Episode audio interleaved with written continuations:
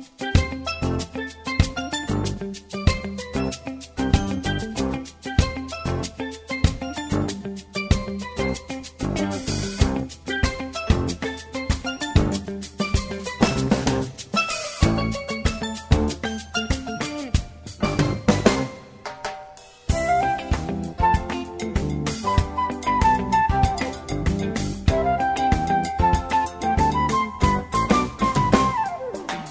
Velkommen vi mer av Bilge Langt. Og i derfor er vi David og så vi kommer være en kyrkja for folk og jokkara samtøy.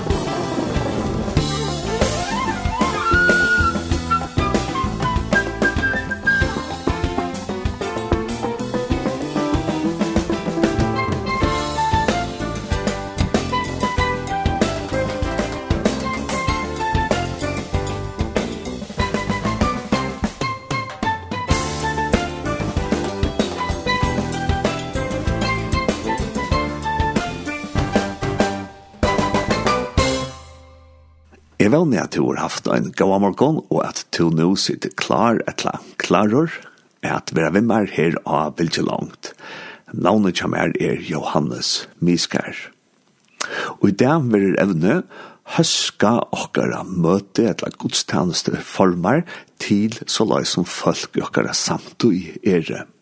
Jeg vil vi vitja i Oslo og i nær samkomme som hever gjørst ullanekvi at la tøyner at tala til male som folk i samtøyne tala, ikkje a brøyta båskapen om Jesus, men a brøyta hos vi boa båskapen om Jesus.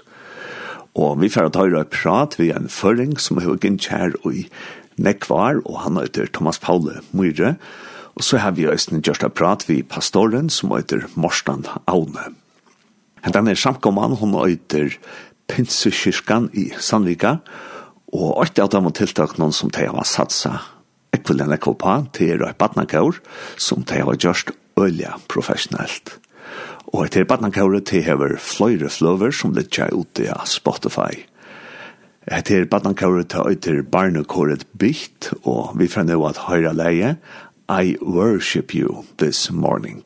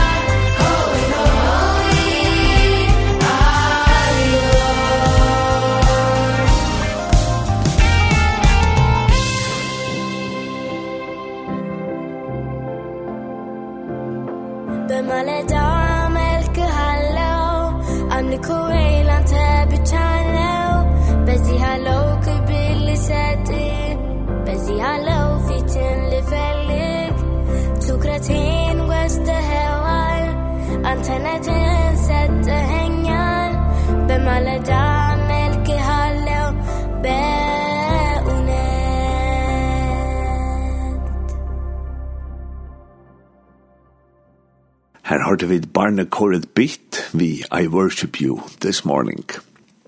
Som sagt, før vi det at høyre prat fra en her samkomme i Oslo, og Arne vi før at før inn ut i pratene, så har vi tog til en annen sang, og jeg før spiller det Maria Lætsne, vi lennom kvør bier fire tog.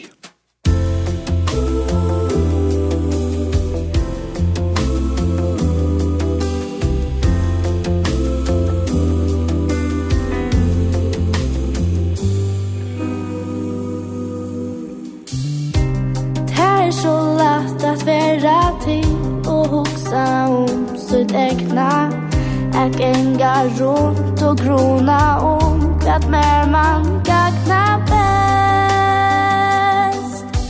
Kvoss och kan en fytla upp och i mojna egnor rikvå Så ett helges mittlånd hej som häva allar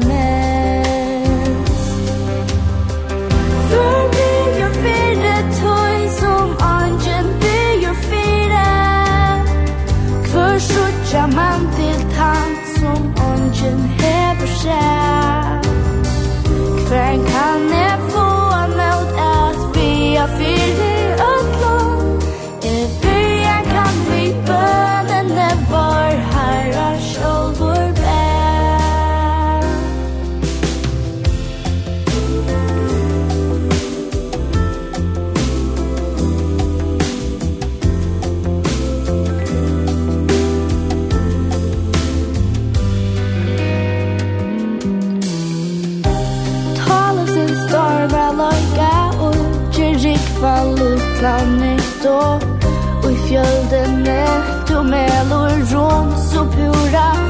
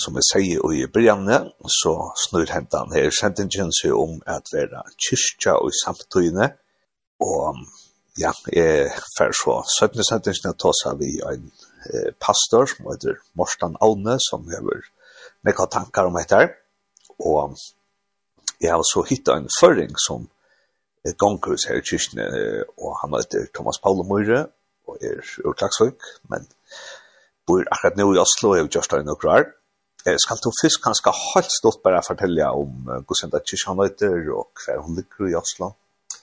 Eh, hei Hannes, eh, hun øyter uh, Pinsa kyrkjan i Sandvika, og uh, kyrkjan ligger i Sandvika, og Sandvika er en utgjøre til Oslo, cirka 15 km sunna for Oslo, og ligger rettelig sentralt i Sandvika, og Sandvika er et sted Vi kommunen er bygget da om noe av 40.000 folk, hvis jeg minnes rett. Kjalt Sandvik er ganske 20.000 folk her med omlai. Og så er kyrkjan, eh, Pinsa Pinsakyrkjan er rettelig sentral i, i, i Sandvik. Akkurat, ja. Og, og ja, evne er så heter vi å være kyrkja i samtøyne og i tøy man lever i, som er for å ta han ekvi, den er morsan avnjom. om Men kanskje er vi for å uh, forklare mer om Heser Kyrkina, Heserkirkene, Kyrkina og i Sandvika. Uh, så er det så at to og familien Thomas Paul, det var bo i Nekon London, til det var bo i Aberdeen, og i Frankrike. Ja, ja Nekon London er doskjøtt, ja. som det er det.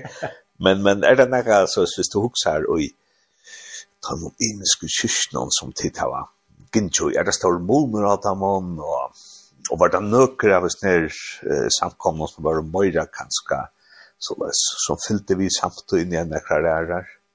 Um, ja, hva skal jeg si, ja. Vi, vi var heldig da vi flott til Laberdin eh, at lese. Da funnet vi en en serie serie goa brødre samkomne, som heter Hebron, og som er stadvekk eh, Virgen.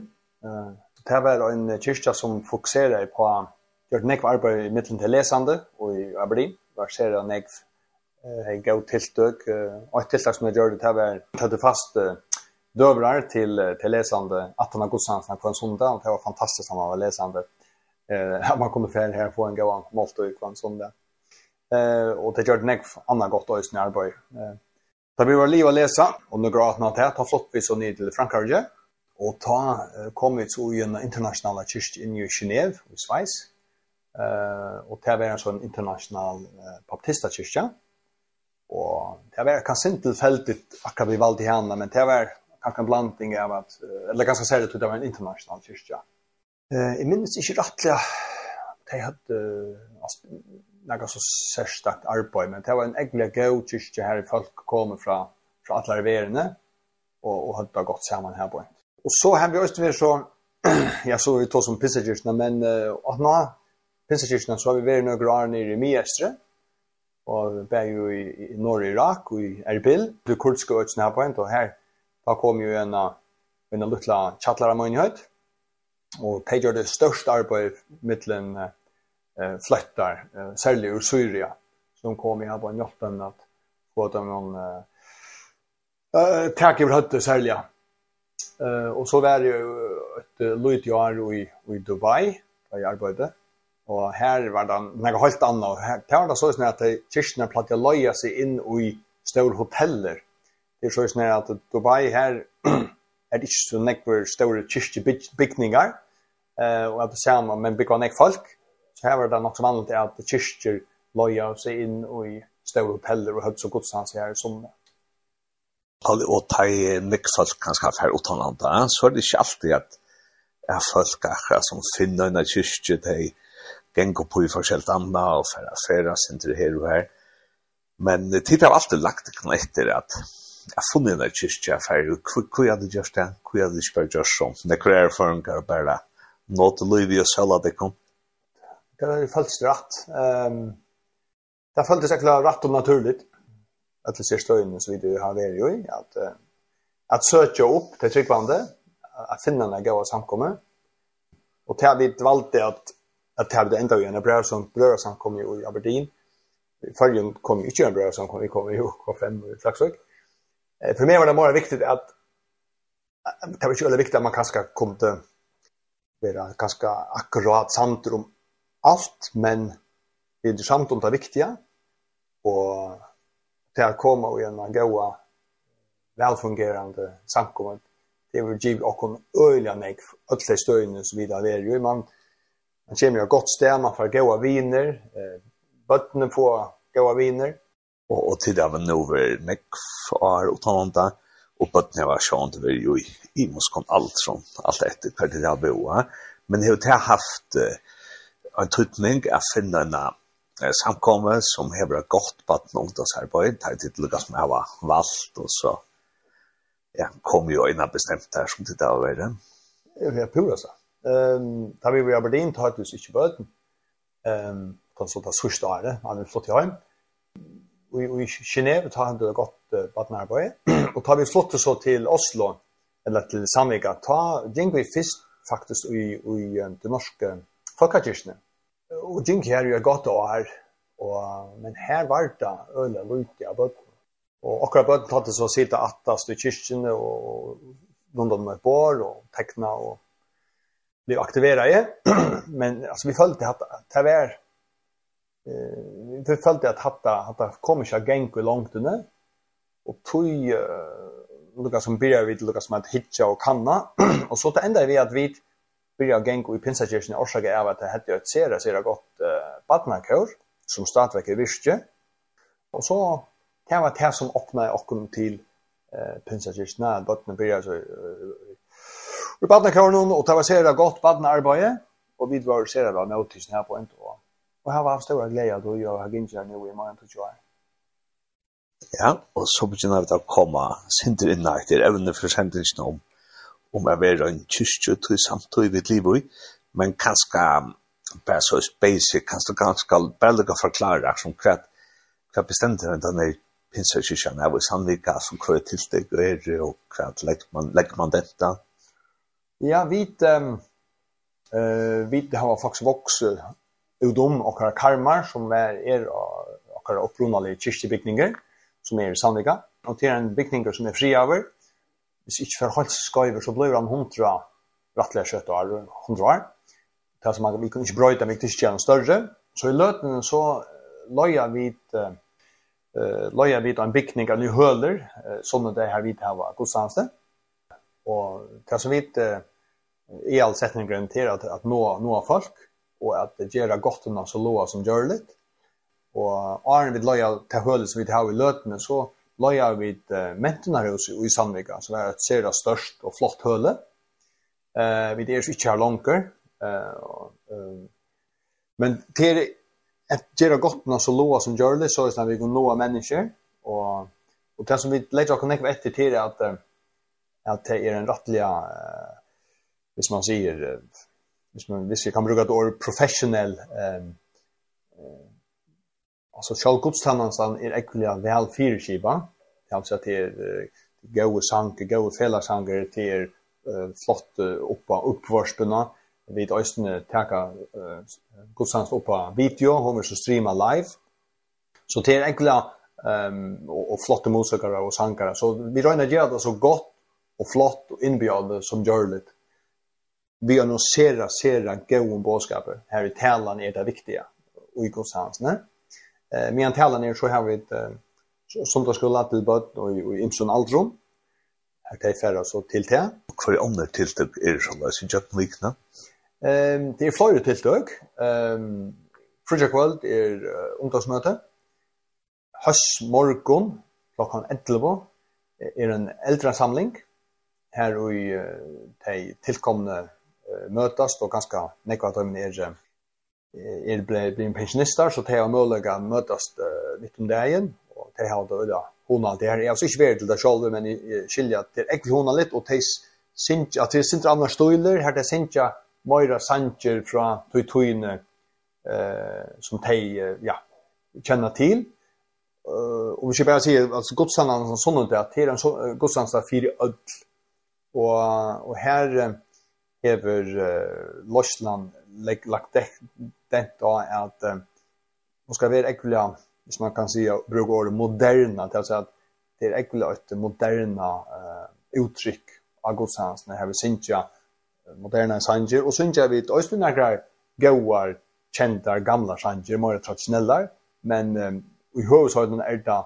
mycket moderna sanger vi synja och så som sagt hösta så mötas på äldre. Här är ju ganska formen är inte mer traditionell.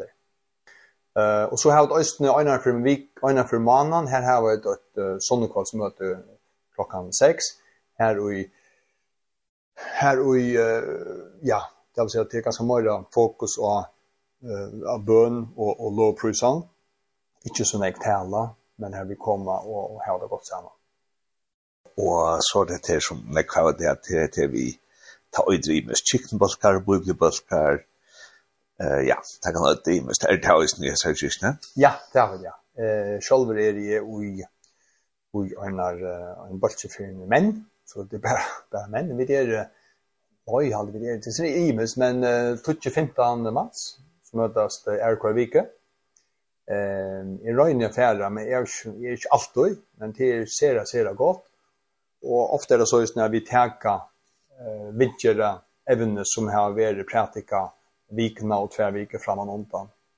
Og så er det en bølkaløyer, eller en som er løyer for, for life-gruppene, som vi kallar det, som fire øyne. Uh, og så møtes vi i, i uh, Imse Høymen, det er altså vi tar genker på rotasjon. Det er ser det, det godt. Og så får jeg et atter til at her vi, vi godstannast nå at vera ui samtøyne, ja eh jag husker om att att bottnen det tjock om te te uppvuxen vi hvis vi tar för Danmark så är det X-faktor och eh alltså alla så underhållsprogram det här som Jove och Jose för att kvart ja eh hade du kanske eh vi tycker att någon att hit ni huxa att ja ja det är så viktigt ösne att att att det skulle höra sank och kanske att att ta lyssnar så att kan du matcha X-faktor men Men det er at tog malen han som de unge og bøttene det er suttja. For jeg nå av deg. Jo, jo, pura samt Altså, tjokken her, her også Oslo vet, um, legger nekva orske ui at uh, det som er i plassen, til er ordentlig.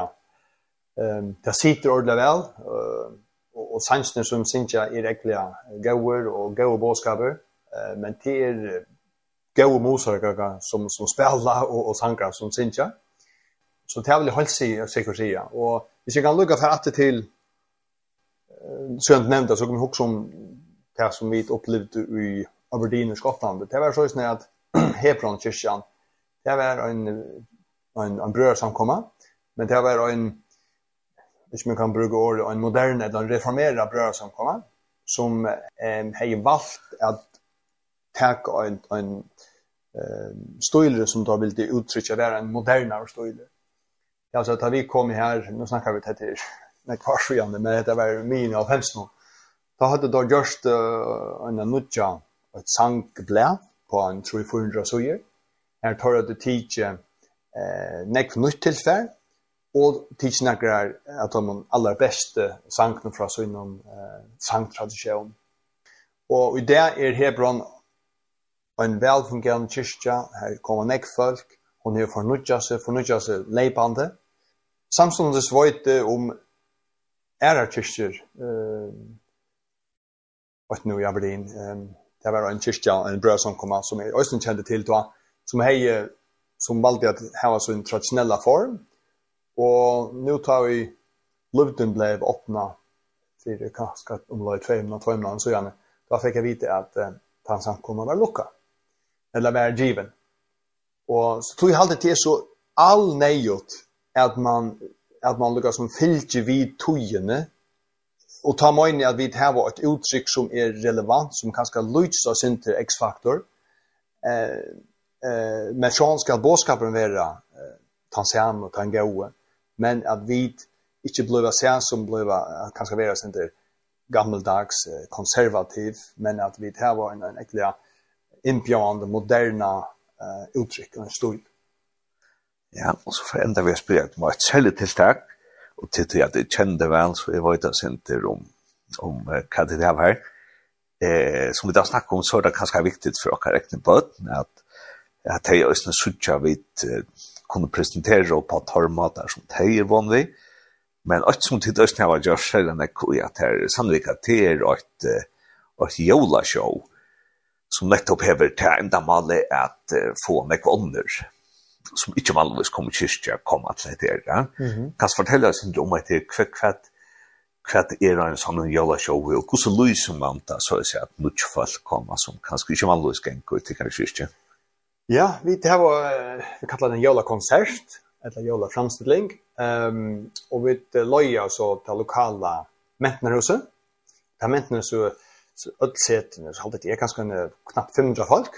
Uh, så, og ta seta vi gjør en, en flotta jævla-konsert, her vi, vi har kår, og vi tar solister, og vi tar uh, som minns rett så hadde dansere, og så hadde vi uh, framførsel av stedet, så hadde vi tatt uh, her i jævla med gjelder release, og vi tar sin felasang, så det er så blanda tiltak, her folk heter vær om loy og ne goa vik kanska tvær vik ran jól her folk som kom i jolestemning, og på maten vi uh, gjør det på, eller gjør det på til til at billettene er rettelig boliger, uh, til å komme til tiltak, og så er det ofte sånn at limen er ganske kjeipa, eller det som kommer i kyrkene kjeipa, når det ikke seter, så bjør det nabikon og vinon av konsertene. Og jeg har hørt det så bare øyne konsert, uh, til at han har korona, kanskje vi visste ikke ordentlig, uh, men at atlan neste år er så jeg har tver konserter, Och tackar man så ordentlig bjöa, liksom, bjöa. Bjöa några på ikon og, og, och känningon vi. og det har vi så görs öjsten ta, uh, ta vi bjöa hjemme. Og Och, och hur så länge Aren börjar man med at fyrre og kan har konsert? Er det med kan man inte göra när vi gör nei, Nej, det er faktisk ikke Nej, Nå er det i kåren noen år, um, og, og, og de som stannar fire, de fire kan så enda mer än jag vet inte. Vi jeg minnes rett, så begynner vi da synes jeg en måned av åren, så at vi hadde bare fyra vänningar til konsertene. Ehm um, men några sangen hade så sunge sunge Arden eh uh, så det var inte så redan något nytt tillfälle. Eh uh, men det som stod i fyra tilltag som det är ju just det största arbetet Arden där. Och så eh uh, det vikskiftet har vi skulle så här konserten tatt en en sonnet där. Så uh, var det rattla nekv pintan av paddle Og her har vi et øyla nekk kreativ folk i, i, kyrkene, som hadde lukka som fyrrøyga, og så, ja, så var vi nekk her som pidda og bæg, lærkvald og, og sånne der. Så sånn konserten kunne være uh, der klokkan fem. Og er det så å si at det første år så er det et tema så er det seg er jølakonserten, eller det er sinte bare morgen? Brøkt som man ville sanger og sånt? Eh, ikke si at det er tema egentlig, ja. Um, men uh, men det här paddlepinte det här hur alltså det var till Imus från Artlar så i år var det rättliga amerikanskt så när vi hade några stora jolapackar som var olika som som hus så det alltså vi kommer rennande innan sena jöknen så jolapackar så var det olja flott med det ser själva det är olja näck på sjur så är det att det som kommer till eh, konsertene får ett egentligen gott upplevelse. Och jag tror att det är möjligt att kunna lugga som att dere som presentera kon till till bojen och till nutchfolk och och här dere som ja, her vil rønne eh vise och ut från och våra bästa bästa så och och vill det så helt nødvendig liten antakt av en sånn konsert det yeah. några år. Ja ja, det er det ja.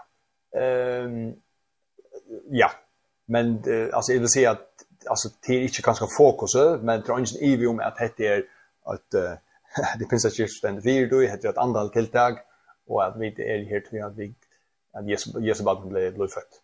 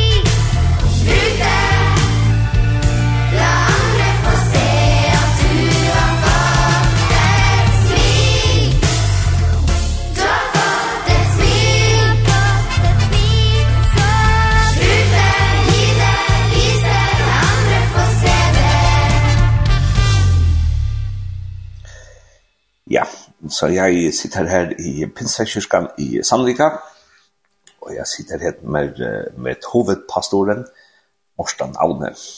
Og takk at jeg kan få lov at snakke med deg, Morten. Bare hyggelig, bare hyggelig. Kan du måske starte med at fortelle litt om deg selv? Ja, eh, jeg har rukket å bli 52 år, Jeg er gift. Jeg har uh, tre voksne barn som alle har flyttet hjemmefra. Og så har jeg uh, nå vært uh, pastor i denne kirken her i uh, ti år. Før det så uh, var jeg veldig involvert i sang og musikk. Så det var det jeg egentlig holdt på med egentlig siden jeg var en liten gutt. Så er det sang og musikk som jeg holdt på med inntil jeg tok over som, uh, som pastor i kirken her. Och så har jag jobbat generellt ute i förretningslivet parallellt för jag bytte på heltid här i i kyrkan då. Så det är lite sån kort kort fortalt om mig. Och, och som alla norrmän så kan jag gå på ski och gå i en hytta och se, cykla och ja, jag har jag jag kan gå på ski, men jag jag är inte en av de som går väldigt mycket på ski. Det är jag inte. Jag spelar fotboll och tränar lite, men uh, ski det ja, det får andre ta seg av. Så det er ikke sånn alpine at du kommer ah, rasende ned. Ja, jeg kan slenge meg på en gang innimellom hvert skuddår, men det er ikke noe jeg... Eh, nei, jeg har nok med å få vekk all snøen som kommer på vinteren med å måke, så det får, det får holde. No, noe mer kjærlighet får ikke snøen hos meg. Ja.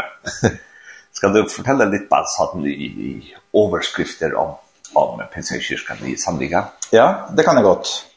Eh, Pinsekirken i Sandvika, vi har faktisk, eh, vi fyller 100 år i år. Ehm, så i utgangspunktet så var eh, Pinsekirken en kirke som ble slått sammen av to mindre pinsemenigheter for cirka 100 år siden. Eh, så eh, flyttet vi hit, altså min familie, min pappa og mamma og mine to søsken, vi flyttet over hit for, eh, altså i år 1982. Eh, da var det en ganske liten liten pinsemenighet eh, her i, eh, på Harslum heter det da. Eh, og så har den egentlig begynt å vokse og vokse siden det, og, og teller i dag eh, ja, pluss minus 700 medlemmer, eh, med veldig mange barn. Jeg tror vi er rundt 200 barn innskrevet i en søndagsskole. Eh, ungdomsarbeid, seniorarbeid, misjonsarbeid, Och vi är en väldigt sån vi är nog väldigt en sån flerkulturell kyrka. Så vi har jag tror vi är cirka 35 nationaliteter representert i kyrkan hos oss. Så det är en väldigt sån det är en väldigt fargerik eh kyrka som som ja som har det bra. Absolut. Og en av de fargene det så de færske, så jag jeg bara sånn. Ja. Det er ganske ti færinger det. Ja. Så vi har, vi har hatt en glede av å ha, og har hatt uh, noen som har kommet fra Færøyene. Og det er alltid bra folk å få inn. For det er, de liker kirke og liker å være med og bidra og, og hjelpe oss, og det er, det er veldig, veldig bra. Har du vært på Færøyene? Du, jeg har enda ikke hatt en glede av å være på Færøyene, eh, men jeg har i utgangspunktet en stående invitasjon, Så jag tänker att det må vi få det må vi få genomfört en gång. Ja. Eh och så ser du att att at barnet att tallet er stort i kyrkan och Thomas Paule han har fortalt om att barnet koren koret var liksom en viktig trekkplaster for ham och hans familj som mm. kommer till. Ja. Er, är det mycket bevisst at man har satsat på på barn och unga? både och bevisst obevisst men jag tror att eh barnekoret fick en väldig växt. Det började växa, barna trivdes i koret. Eh och och det blev en lite sån magnet på andra som hörte om koret och och vi har haft människor som har kommit hit och begynt i koret hvor ikke familie har vært frelst, tro på Jesus og men har hørt om barnekor og ønsket å få kontakt og som i dag er er er troende som som et resultat av det. Så så barnekoret har vært en veldig fin sånn arena å invitere med seg andre barn til familier som kanskje ikke har så mye tilknytning til kirke. Så det har vært veldig veldig bra. Absolutt. Og, og det er nettopp det vi skal snakke om i dag, at hvordan kan vi lave en kyrka som kan liksom åpne seg ut av nye mennesker. Jeg møter litt om, om Jesus. Og vi skal snakke litt overordnet, og der er også noe med at du er med i et eller annet lands uh, arbeid for pinsekirker, er det sant? Mm. Jeg setter som, vi har jo i pinsebevegelsen i Norge så har vi, vi har delt opp landet i regioner, Så sånn at i dag så er jeg regionsleder for for Oslo og Akershus som er rundt en 45 kirker. Eh så det er det jeg er i tillegg til at jeg er hovedpastor i i i kirken her. Stemmer det? Mm. Og så tenker jeg til den her prat at ta utgangspunkt i at at Jesus sier at vi skal være vi skal være i verden, men ikke av verden. Mm. Mm. Så hva, hva er det man skal være i en kyrka som er i verden, og i den her kyrka så er det så i Sandvika, og vi er i 2023. Mm. Hvordan er min en er man en kyrka som er i den by man ligger, og i den tid man ligger. Jeg, for å være ærlig, jeg, for å være ærlig, så synes jeg at noe av det der er, er vanskelig. Jeg synes det er utfordrende, jeg synes det er noen ganger vanskelig å finne den, den tonen, eller den, den der veien å gjøre det på, fordi at vi lever i et, i hvert fall i, her i Norge, så er jo Norge blitt et utrolig sekularisert land, hvor individet er ekstremt i sentrum, og det handler ikke om noen andre enn meg selv, og hvordan jeg kan få realisert mine drømmer, det som er bra for meg, det som er godt for meg, og, og det å nå fram med et budskap som i utgangspunktet er litt motstrøms, er utfordrende det er vanskelig fordi at du treffer med et ukulturelt budskap som sier at nå skal du få lov til å slutte å tenke på deg selv, nå kan du få lov til å tenke på noen andre. Men det vil jo folk, ja, men det vil jo ikke jeg. Jeg vil jo kun tenke på meg selv i utgangspunktet. Så den selvrealiserende kultur vi lever i er vanskelig å utfordre å nå inn med et kirkelig budskap. Men vi vi vi ønsker jo å prøve å å å, å gjøre så godt vi kan och tänka lite igjennom igenom hvordan gör vi det vi gör idag? hvem träffar det? Vilka resultater har vi? Kan vi göra noe annorledes? Kan vi gå i oss selv och och det är ju en evig kamp. Det är jo en evig utfordring hela tiden hvordan vi kan göra det. Det är men det är inte alltid lätt. Det er inte lätt. Og, og du har så vært pastor i 10 år, men har varit i kyrkan sedan var det 82? Ja, sedan en liten gutt. Og har det skjedd, har det skjedd mange forandringer i liksom gudstjeneste form og i hva kyrken tilbyr utadtil i de her, hva er det sant, det er 40 år? Mm. Ja, det begynner å bli noen år. Ja, vi, vi har nok vært en kirke som uh, i, hele tiden har vært i en, en type forandring, og som ser det som viktig å være i en type forandring, fordi at samfunnet rundt oss forandrer seg, det er ikke det at vi nødvendigvis trenger å forandre budskapet, selv om rammene vi fungerer innunder er eh, annerledes i dag enn det var for 40 år siden. Så vi er nok veldig bevisst, og kunne kanskje vært enda mer bevisst på hvem når vi, hvordan når vi mennesker, og hvordan opplever folk å komme inn i vår sammenheng. Hvilke språk bruker vi? Hvilke tekster bruker vi? Er vi opptatt av å bevare en kultur som vi har hatt med oss?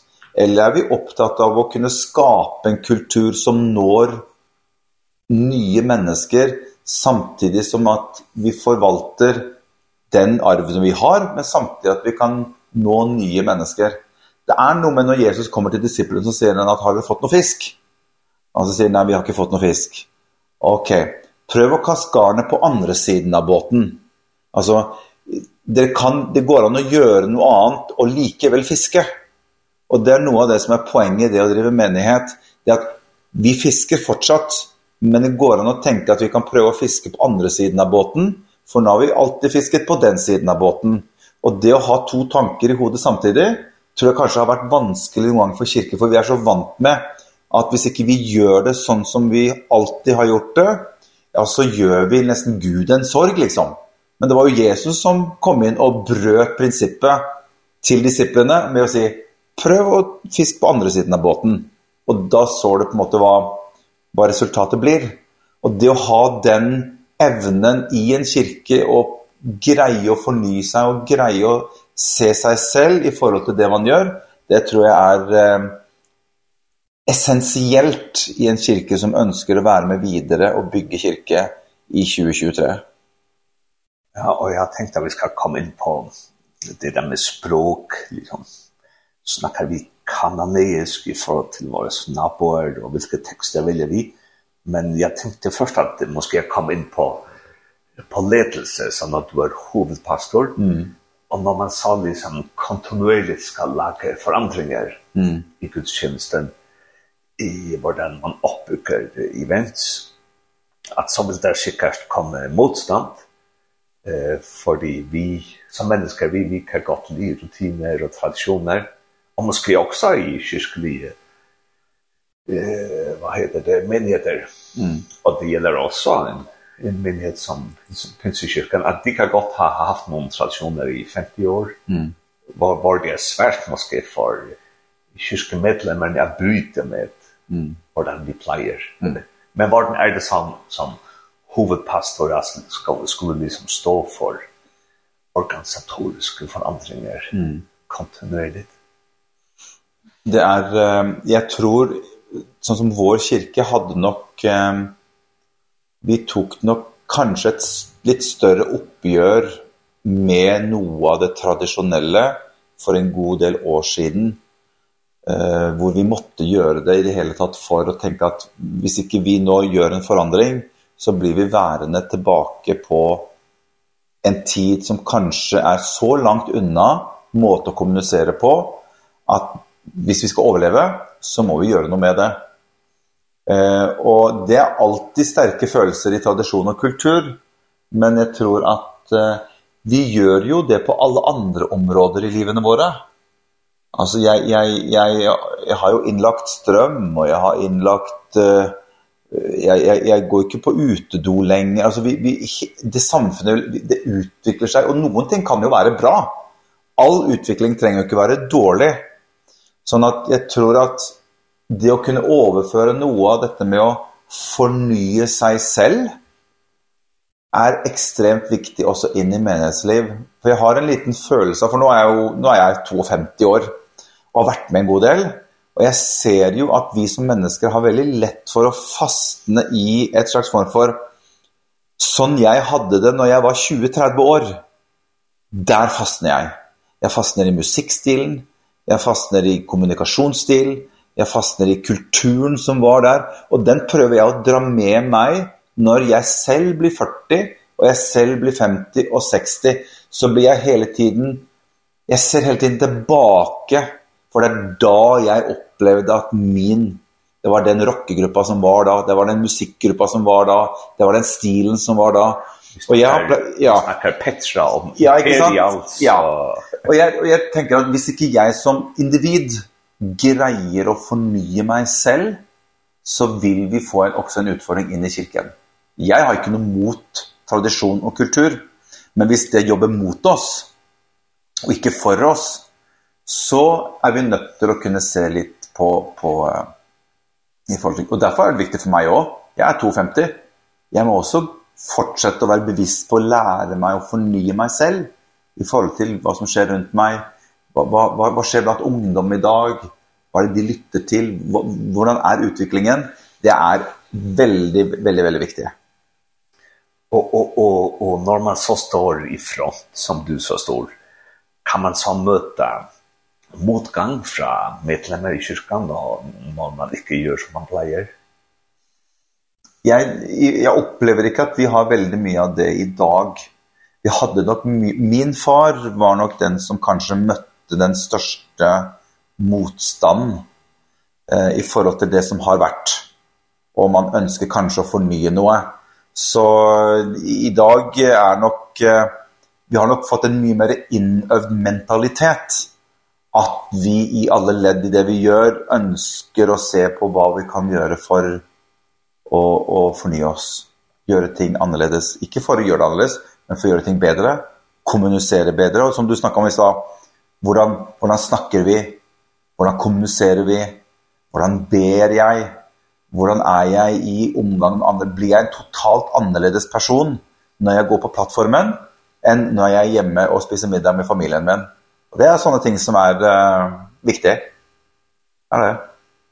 Og, og, og du snakker om at, at liksom, det skjer så mange forandringer, og en stor forandring som måske også har kommet frem med covid og corona, som vi kaller det på færøyene, er det digitalisering. Mm. Er det noe som, som vi ikke skal liksom, også ser imot hvordan kan vi måske være til stedet digitalt? Absolutt. Hvordan er det i det? vi vi vi vi fick ju ett ordentligt eh, liksom kickstart på det i förhåll alltså nu har vi varit på mycket digitala medier egentligen väldigt länge men eh, men det är klart när när covid när den när den traff oss här i vart fall i mars 2020 så måste vi snu oss för då var det stängt så allerede söndagen etterpå så hade vi eh, ut en live gudstjeneste eh, som vi som vi sendte ut. Och då gick vi ju till inköp så vi investerade ju för över en miljon kronor i i utstyr för att få möjlighet till fortsette fortsätta ha gudstjänster online. Så det vi har gjort nu i ettertid när vi er tilbake, er att nu overfører vi gudstjenestene våra live hver söndag samtidigt som vi har eh gudstjänster med med besökarna. Har ni statistik på om det är er deras egna medlemmar som måske är sjuka och sitter där hemma och ser på eller om det är totalt nya folk sen. Det är ja, det har vi statistik på. Så vi vi vi är stränga med tall och följer följer med hela tiden hurdan hurdan och hur så vi har vi har väldigt många som inte är en del av vår kyrka idag som som sitter och ser på eh sändningarna våra. Eh och vi har också människor som kommer till kyrkan og som forteller oss at uh, vi uh, har fulgt med på sendingene deres lenge, men nå hadde vi lyst til å komme og, og, og besøke kirken også. Så, men det er klart det er jo folk som ser fra andre deler av landet, fra andre land, det er klart de har, de har litt lengre reisevei hvis de skal komme på gudstjeneste. Men vi når i hvert fall inn med det å være på, på digitale plattformer, absolutt. Og så måske det er litt vanskelig. Du ser også at folk i dag er mye egocentrerade, de fokuserar på sig själv. Mm. Men vi har ett budskap som är att vi är ett fällskap. Mm. Och det digitala är en plattform för oss, men liksom kyrkan är också att det levande fällskap med mm. folk som kan ta det samma bröd och dricka den samma vin. Mm. Så, så hvordan kan man være en kyrka som både skal, ja, jag vet inte, bruka det i moderne kommunikationsmåter mm. men också liksom framhäver det som Jesus säger är kyrkan. Ja. Men det och det är och det är lite utfordrande fordi att uh, du du du kan få någon som vi kallar för sån pyjamas kristna de slipper å gå til kirken fordi at de kan bare skru på TV-en på søndag, eller de kan være på hytta, skru på TV-en og, og være med derfra. Eh, men vi har varit väldigt klar på i kyrkan hos oss att at uh, det mest optimale det er å komme sammen som, uh, som, som kirke, se hverandre, være sammen, tilbe Gud i samme rom, dele fellesskap, eh, uh, og, og det vil vi alltid eh, fremheve. Men det er litt der også, da tenker ju ikke vi at i og med at det er det viktigste, så skrur vi av eh, online-sendinger, hvorfor ikke heller bare prøve å nå noen da, i tillegg, i stedet for at du ikke skal gjøre det fordi at du mener det andre er bedre. Så, men vi har vært veldig bevisst at det, det vi ønsker først og fremst, det er at folk skal være en del av fellesskapet og komme og være med på gudstjenesten våre. Mm. Og så har jeg litt et ekstra spørsmål som er mitt eget spørsmål, måske, men, men jeg vet ikke om ni kjenner til Alfa-kursus i Norge? Jo. Ja, så tenker jeg at at eh eh vad heter det Hurtland det måste jag få folk att komma in till alfa i kyrkan men men tänker du att man kunde göra alfa som ett digitalt kursus som man kan starta kanske ha det från pinsekyrkan i Sandvika men att det så förgår digitalt för det så så kan vi eh, lätta det för främmande folk att komma in och diskutera om Gud. Mm, absolut. Varför inte? Nu har jag akkurat det nu som vi har sånn konkret tänkt på, men vi, vi jobbar ju hela tiden och utvecklar konceptet vårt med, med vad vi gör online i förhållande till för exempel att enda mer intervjuer med mennesker som har opplevd Gud, hvordan kan vi spre, bruke sosiale medier for å spre et budskap ut, hvis vi har en serie om et tema, markedsføre det på sosiale medier, invitere mennesker inn til å kunne se, som ikke har noe, noe tilknytning til kirken, men kan være interessert i et tema, Så sociala medier och och den digitala plattform, hvis ikke vi som kirke er der i årene fremover, så mener jeg at vi må være der, for det er der folket er. Og på å si, fisken er, så fisken er på den andre siden, så vi må, vi må henge med og, og være med i den utviklingen der, absolutt. Ja, og så går vi tilbake til det litt mer teologiske, det som du snakket om i starten med, med att vi ska måske tänka om hvilke tekster vi vi tar med till gudstjänster. Og vad, vad, hva tänker du sånn overordnet i 2023 i som vi kan være liksom för texter och teman som vi tar upp? Vi, vi, vi pleier att ha en sån huvudöverskrift på, för, eh, för året i, i kyrkan hos oss. Så i 2022 så hade vi en överskrift som vi kallade för Jesus hela livet. Eh och då gick det nok lite grann på att att vi upplever att människor tror på Gud för en kort period och så ser du att en del människor melder in att nu tror jag inte längre på Gud. Alltså man man lägger bort tron sen. Eh och då var vi lite sånn, vad kan vi göra med detta? Jo, då då önskar vi att kunna ha ett år hvor vi sätter fokus på hur kan vi bygga en tro som varar hela livet ut. Hva er det som gör att vi plötsligt säger Gud, nu vill inte jag ha något mer med dig att göra och sånt ting. Så det det har varit fokus i i fjor. Och i år så har vi lagt lite mer fokus på detta med som Peter skriver i sitt brev i kapitel 4 han snackar om detta med detta med tjen varandra en vär med den gave han har fått. Och det är lite tilbake till det med att fellesskapet, er et sted hvor jeg kan få lov til å tjene, ikke bare bli betjent, men det å få lov til å være med å tjene, som gjør veldig godt, og alle, Peter sier at alle har fått en gave som de kan bruke. Så målet for i år er at vi skal inspirere så mange som mulig til å kunne være med og føle at om jeg gjør det, eller det, eller det, så er det en åndelig tjeneste som er med å bygge Guds rike i, uh, i samvecka. Og, og, og ja så i 22 var det Jesus hele livet og nu i år er det att känna varandra. Mm. Och vart finner vi sånne tema vem är det där liksom bestämmer sånne tema. Eh jag plejer att ha litt sånn perioder på sommaren eh hvor jag liksom tänker lite och ber lite grann och och lite litt sånn, vad vad vad ska vara fokus för nästa år Och så är det nok av och till sånn att vi sitter och snackar lite ledarskap, vi sitter och snackar med funktionsledare.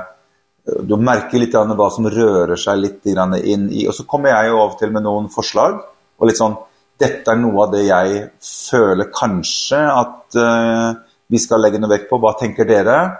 Och så snackar vi lite fram och tillbaka och så ender vi på ett på ett tema och så är det det vi vi uh, markedsfører ut. Og om man som velger texter till det tema och hvis vi så igjen tenker på vi ska være i kyrka for vår samtid mm. også så dem som ikke kjenner så gott mm. kristendommen, Mm. Är det är det någon speciell tekster vi velger, eller kan man kan man ta från hela bibeln? Ja.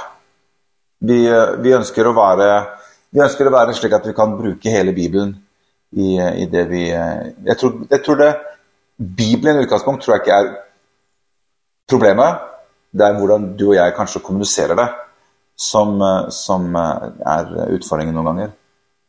Og, og bygger vi det opp sånn trinvis? Så. Litt forskjellig. Uh, jeg, uh, jeg har ofte serier selv som jeg har, uh, som jeg preker, uh, og så har vi siste søndag i måneden har vi familiegudstjenester, da er jo alle barn og alt sånt er inne samtidig. Så der har vi hatt en sånn rød tråd hele året på Jesus hele livet, hvor vi legger opp til hva skal vi dele denne gangen her, hva skal vi dele neste gang. Så da planlegger vi litt i, i, i forkant på hva innholdet skal være i de forskjellige. Så det gjør vi nok mer med familiegudstjenestene, og så de andre som deler forholder seg litt til tematikken. Skal tjene hverandre er jo veldig bredt det også. For uh, veldig mange pinsevenner, de vil jo inn i åndens gaver med en gang, og vi gleder oss til å høre om det. Men jag känner att vi är til att lyfta det lite mer upp, spränga lite grann i gränser och få folk att känna på att det går an å stå i tjänste och stå bak kamera och filme, eller være tekniker eller være på kjøkkenet, eller rigge team och uppleva att det är ju fellesskap av alla dessa gavene som är med och bygger Guds rike. Och kan jag greie, och kan vi greie å få den in att det är inte bara han som står på talarstolen som liksom virkelig är i tjänste da tror jeg vi gjør kroppen vår godt i å få litt inn av den mentaliteten. Ja. Og, og hva tror du er viktig med, med språket? Så nå har vi snakket om tema og tekster, mm. og med språket for at vi skal nå dem som bor over gaten her, ja. er sånn en blokk med mange leiligheter. Mm. Vilket språk skal man snakke så de, de forstår oss? Jag... Um, Vi snakket mye om det tidligere, husker jeg, at hvilke ord bruker vi når vi prater på plattformen, eh, hvilke, hvilke sanger bruker vi, hvilke tekster er det i sangene våre.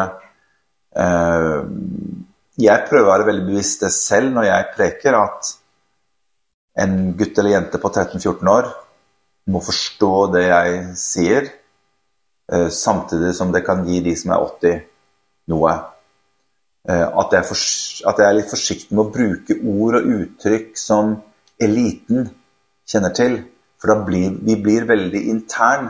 Nå tror jag uansett så vill det vara ting som gör att vi blir intern. Det det grejer du nästan ikke å undgå. Alltså folk syns att du är intern i det hela för att du tror på Gud. Så så vi vi kommer aldrig bort ifrån det, men jag tror vi kan vara bevisst på att vi för exempel kan förklara något hvis vi har der for eksempel en søndag, eller så kan jeg forklare litt ekstra hva det går ut på.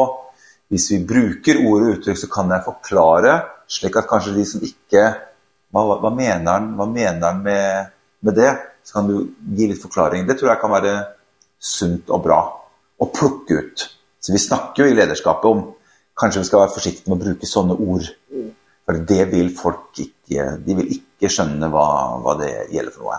Blod og altså vi snakker om ting som er jo helt merkelige ting. Så det å, det å være litt bevisst tror jeg er, er sunt. Ja, og så mitt siste spørsmål som er et tusen dollars spørsmål. det er fordi jeg har selv, eller jeg går selv i en liknende kyrka i København. Vi er en del av Acts 29 som er sånn et eh, internasjonalt kyrkefellesskap som gjerne vil nå ut til folk i vår samtid.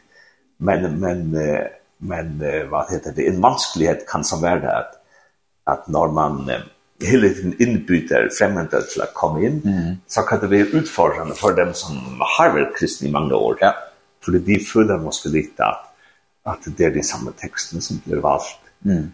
eh och så, och så har man selvfølgelig, vad heter det event som är med måske bibeloppläring mm. men men hur kan man liksom hålla fast i att vara en kyrka för samtiden och för det nya, mm. men också liksom uppbygga dem som, mm. som har varit där i 10 år, ja. 20 år. Ja.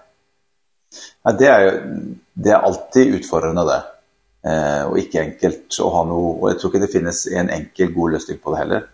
Men, men eh, jag tror att vi tänker nog att som för oss, för oss så ska ska söndagsgudstjenesten den ska vara oppbyggende for de som er troende, og den skal være relevant for de som er nye.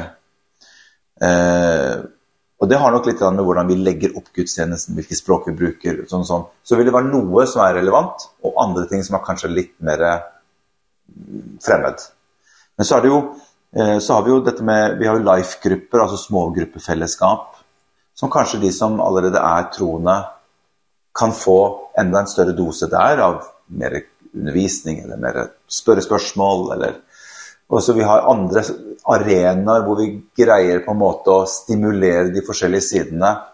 Men men all statistikk i dag viser at der flest mennesker tar en beslutning om å følge Gud, er gjennom mennesker man har en kontakt med, som inviterer mennesker inn i en setting som er relevant, og som de kan få en forståelse av hva som foregår, det er de, de stedene, i hvert fall globalt, som ber med flest mennesker til frelse i dag.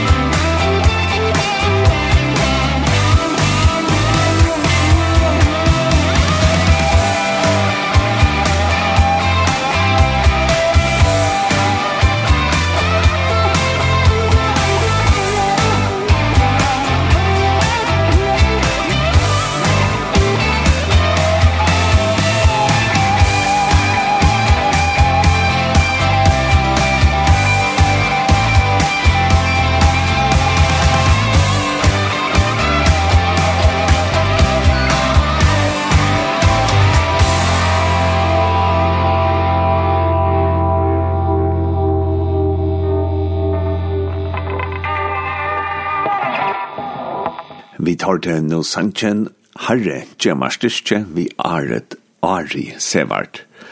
Og ja, vi tar nå hørst tvei prat om hettar, så kom vi til være kyrkja, så løs jeg folk dere samtøy, for ho a kommet inn og høyre båskapen om Jesus, båskapen som ikke brøytest.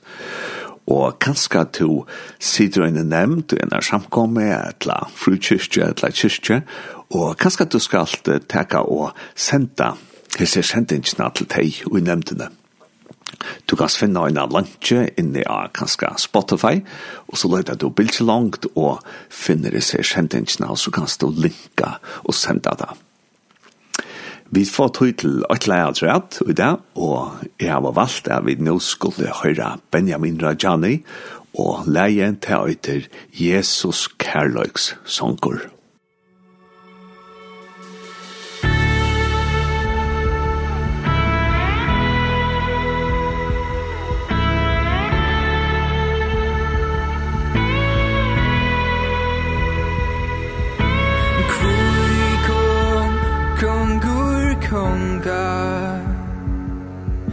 Fra tronen ner till åkara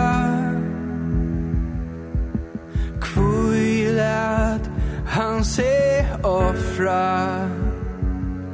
Som frisamt lam bak Golgata. Sora vur fire med Og straffen at vær løgt av han. Ja, helt ei kærleik sorg Og krossen noen han bær mot barn Jesus, Jesus.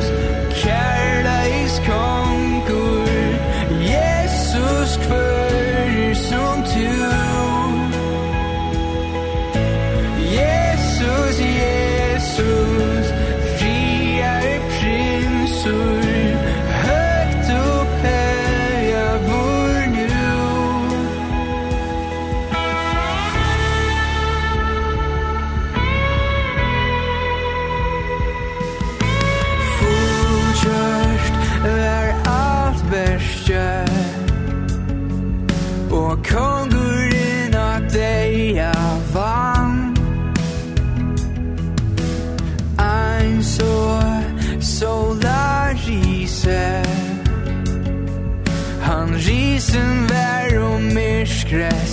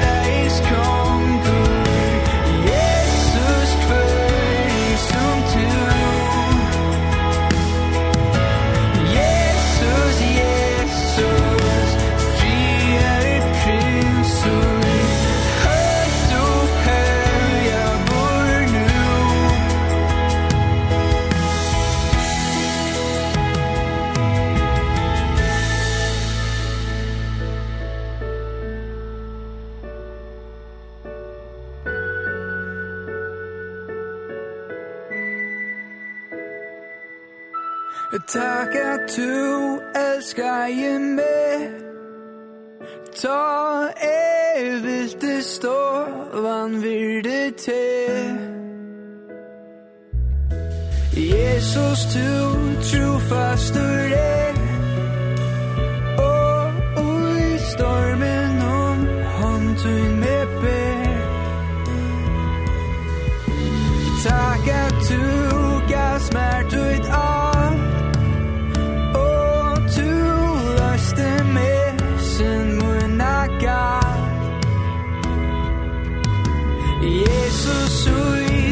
find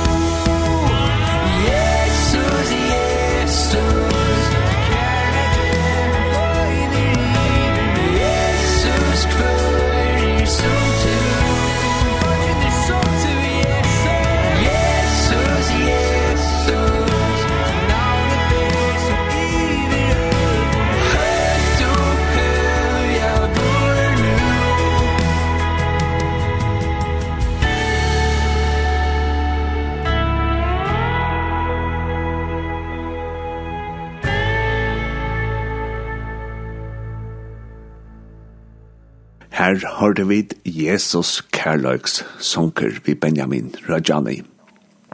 Vi er nå kommet til endan av hesare sendingsene. Jeg fer bare nå til søgnans, det at jeg forteller dere at Linden hon fer ångan allmennan stol, og vi får helt ikke stol fra noen grunne, Men ta einasta som vi brukar pengon til er tid lortar her som tjev okken pengar. Og tid er velkommen at stol okken, til kom bare for enn heimasyna linden.fo og her finna ditt så overlega et som heter stola. Vi er takksom for hver gave som vi bruker, og vi legger oss etter å bruka hver krone, så løs at Båskapen om Jesus kan være sendt ut i kringvarsby om alt førre land og i snitt til føringar utenlandet. Og alt som vi det suttja og lusta til er at til øylanek for føringar utenlandet som lusta etter lintene.